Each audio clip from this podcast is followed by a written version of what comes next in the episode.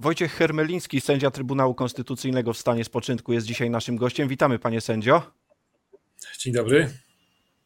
Panie sędzio, y, no, minął y, jeden, drugi gorący tydzień. Mamy za sobą orzeczenia Polskiego Trybunału Konstytucyjnego, dwóch Trybunałów Europejskich, które oceniły nawet nie samą Izbę Dyscyplinarną Sądu Najwyższego, ale generalnie polski model sądownictwa dyscyplinarnego, wytykając mu niedostatki, które teraz trzeba usunąć. Pani prezes Manowska mówi, że ma pewien pomysł.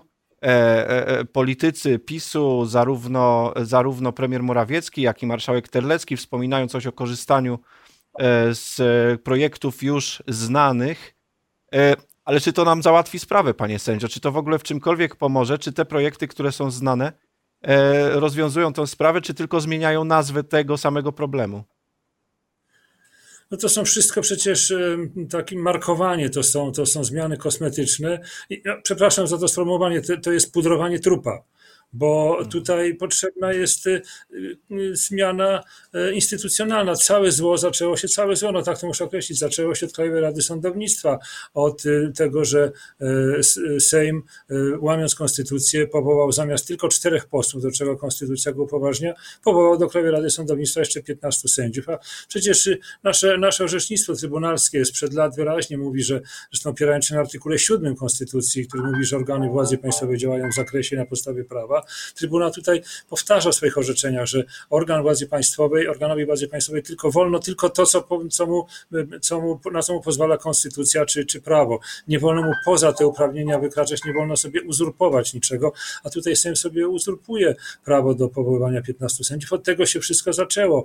No więc y, wadliwie powołana Krajowa Rada Sądownictwa przedstawia e, prezydentowi no, wadliwie wybranych kandydatów na, na, na sędziów. No w związku z tym te osoby znalazły się w Izbie Dyscyplinarnej, w Izbie Kontroli Nadzwyczajnej również. Przecież tutaj też trzeba by tej Izbie odebrać co najmniej te uprawnienia dotyczące e, oceny e, wniosków, jakie przedkładają sądy e, w kwestii niewadliwego powołania sędziów. Zresztą jakiś kuriozalny przepis, bo, nie, bo ta Izba wcale nie ocenia, tylko przepis nakazuje umorzyć postępowanie, więc po co w ogóle te wnioski są do niej kierowane, jeżeli ex lege te, te wnioski muszą być umarzane.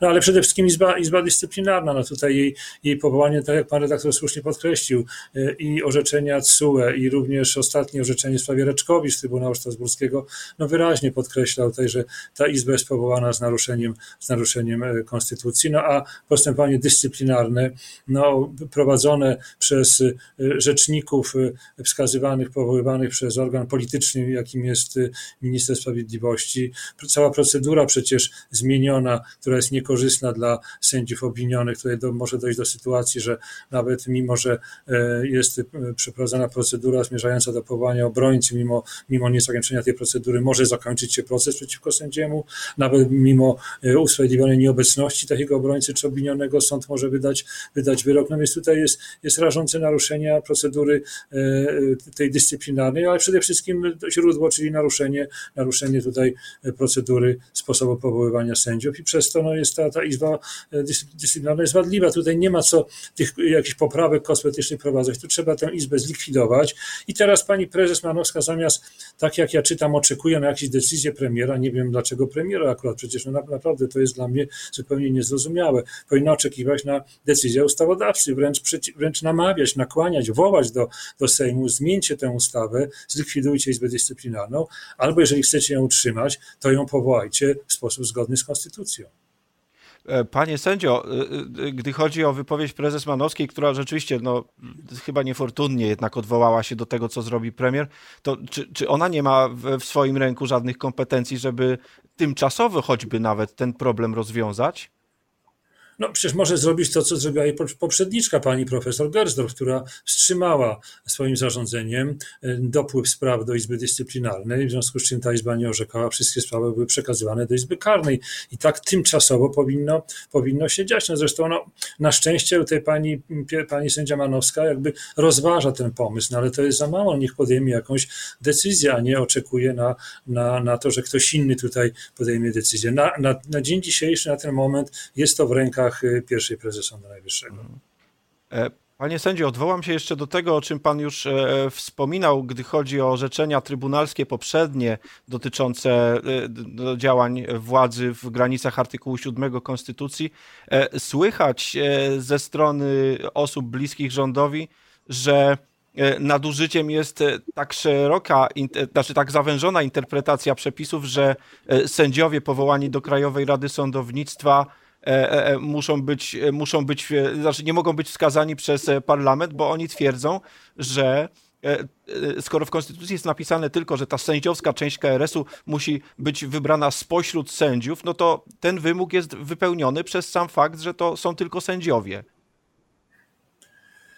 E, tak, no, no tutaj też wskazuje się na to, że wprawdzie nie mówi się o tym w Konstytucji, kto wybiera tych 15 no sędziów. Ja myślę, ja myślę, że ustrojodawcy nie przyszło do głowy, że może dojść do takiej sytuacji jak teraz, że będą sobie różne organy uzurpować e, wybór tych sędziów. No, nie wolno, powtarzam, nie wolno organowi władzy publicznej sobie uzurpować uprawnień, których nie ma, e, w związku z czym nie, nie mógł Sejm ani żaden inny organ tych 15 sędziów powołać.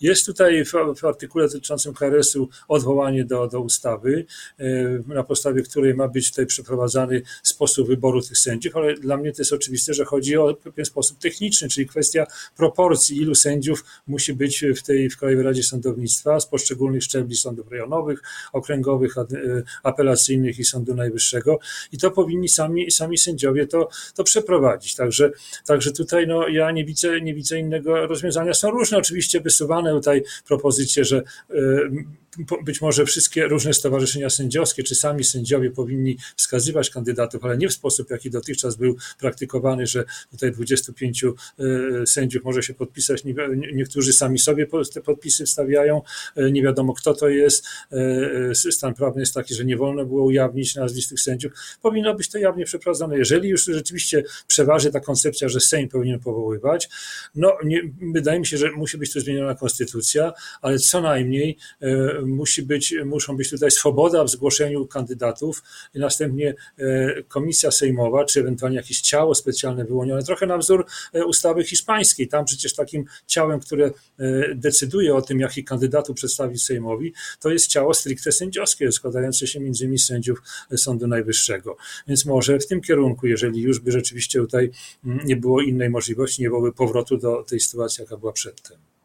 Czyli jeszcze taki organ pośredni pomiędzy pomiędzy e, e, środowiskiem sędziowskim, tak, a, a, a, a parlamentem, który ewentualnie by dokonywał wyboru taki rodzaj takiej komisji wyborczej sędziowskiej, no bo sędziowie najlepiej wiedzą, którzy z, tych, z tej liczby, e, pewnie bardzo znacznej liczby kandydatów przedstawionych przez samych sędziów i środowiska sędziowskie, organizacje sędziowskie, którzy z nich najbardziej się nadają i wtedy powiedzmy e, ten organ by przedstawiał Sejmowi też do wyboru jakąś tutaj przekraczającą, prawda, znacznie być może tę liczbę 15 kandydatów przedstawiałby Sejmowi do, do wyboru. Też jest taka propozycja o tej pada. Przyznam się, że mi jest trudno tutaj wskazywać oczywiście, bo bo nie jest to, nie jest to rzecz prosta i nie jest to jakby rzecz, którą, o której ja powinienem decydować, ale takie koncepcje się pojawiają, no wychodzące jakby naprzeciw e, tutaj stanowisku władz. Panie sędzio, skoro problem zaczyna się od Krajowej Rady Sądownictwa, to miejmy też na uwadze i chyba warto poświęcić parę słów tej kwestii, że Rada dokonała wyboru nie tylko e, osób do Sądu Najwyższego, do dwóch nowych izb, Powoły, z udziałem tej rady powoływano też e, sędziów do innych izb Sądu Najwyższego, tych już istniejących, do Naczelnego Sądu Administracyjnego oraz do sądów powszechnych i administracyjnych. I to już jest e, no, no, chyba tysiąc osób, jeśli dobrze policzyłem. E, więc jakby mówiąc, że problem jest w KRS-ie, mówimy też o już sporej rzeszy sędziów, którzy E, no właściwie co, mają teraz zostać odsunięci od orzekania, chociaż jeszcze chyba nie ma do tego podstawy prawnej, bo takiego orzeczenia o KRS-ie e, do tej pory nie mieliśmy, prawda? No więc właśnie, to też jest kolejny problem, o czym, o czym się mówi, czy rzeczywiście byłoby słusznym rozstrzygnięciem odwołanie wszystkich tych osób powołanych, wskazanych prezydentowi. Byłoby, panie sędzio? Byłoby? Nie, uważam, że to jest kwestia wątpliwa. No i to pojawiają się takie opinie, że jednak no, byłoby to zbyt daleko idące, bo jeżeli byśmy uznali, że tych wszystkich sędziów trzeba odwołać, bo oni nie spełniają wymogów, jakie, powinni, jakie powinno spełniać postępowanie nominacyjne, prawidłowe, oparte o konstytucję, no to co z, wyrok, co z wyrokami, które wydali, bo przecież w wyniku no tych wyroków, na przykład w sądach pracy czy w sądach cywilnych, strony odniosły wymierne korzyści, prawda? Został wydany korzystny wyrok, e, czy na przykład w sprawach karnych też. No, e, i, i, tutaj, I tutaj cóż, no, podważanie teraz tych orzeczeń, obywatele, którzy, którzy już są świadomi, czy są pewni, że wyrok korzystny dla nich, czy niekorzystny, wszystko jedno, jest prawidłowy, prawomocny, teraz od, miałoby to być wszystko uchylane, czy to są tysiące, tysiące spraw. No więc tutaj, tutaj jest problem. Są opinie takie, wydaje mi się, że, że chyba nie można im odmówić z gruntu słuszności, żeby jednak mm, no, tych, tych e, wyroków no, nie uchylać, pozostawić je, uznać, że one zostały wydane w sposób prawidłowy.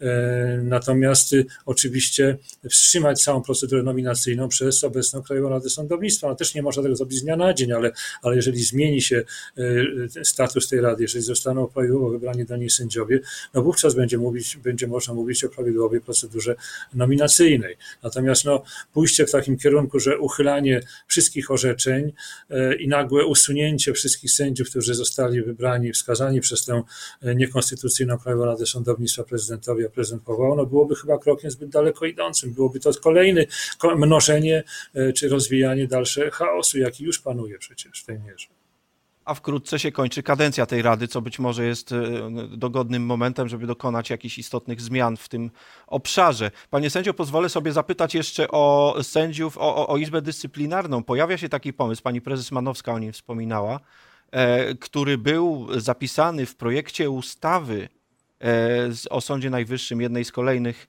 nowelizacji zwanych dla niepoznaki naprawczymi, e, żeby sędziów z Izby Dyscyplinarnej e, jakby nie, nie, wnikając w prerogatywę prezydencką, y, który to prezydent powołał ich do Sądu Najwyższego, rozproszyć po innych izbach, e, a do Izby Dyscyplinarnej, jak rozumiem w tym momencie pustej, powoływać rotacyjnie sędziów z innych izb do sądzenia dyscyplinarek, bo bądźmy szczerzy, e, e, są powody, żeby procesy dyscyplinarne w Polsce przeciwko prawnikom prowadzić i niektórzy z nich no, może rzeczywiście powinni zostać ukarani.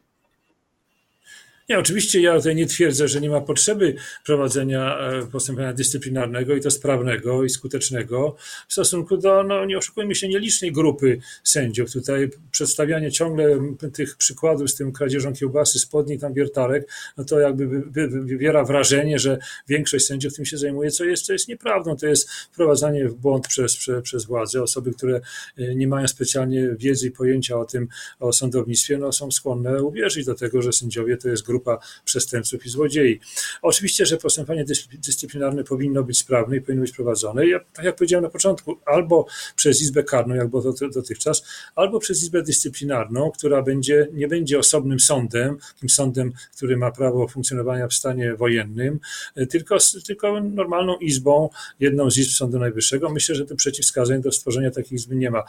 Czy, y, która będzie działała też w oparciu o normalną procedurę dyscyplinarną, która będzie będzie dawała gwarancję wszystkim tym sędziom, którzy są, będą obwiniani o różnego rodzaju delikty czy, czy o przestępstwa oskarżani.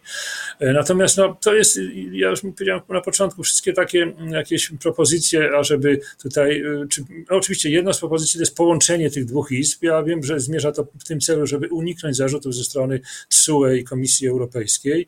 E, nie wiem, czy jest to dobry sposób, ponieważ no, łączy się sędziów prawidłowo wybranych z sędziami nieprawidłowo wybranymi. Także cały Szkopu polega na tym, że to są sędziowie wadliwie wybrani i nie powinni ci sędziowie sądzić. Jeżeli będą te same osoby w sposób właściwy przez Krajową Radę Sądownictwa właściwie powołaną wybrani, to oczywiście tak. Natomiast teraz to jest, to jest taki rodzaj, rodzaj takiej kosmetyki, która ma ukryć istotną, istotną wadę i ja uważam, że to nie jest dobry pomysł. I to powinien powiedzieć rząd polski Komisji Europejskiej. Czas płynie, jeszcze dwa tygodnie chyba na odpowiedź pozostały, no bo została tutaj postawiona jasna granica, że trzeba e, e, się opowiedzieć, wykonujemy to orzeczenie, czy go nie wykonujemy, a dalej w perspektywie chyba kary finansowe, tak?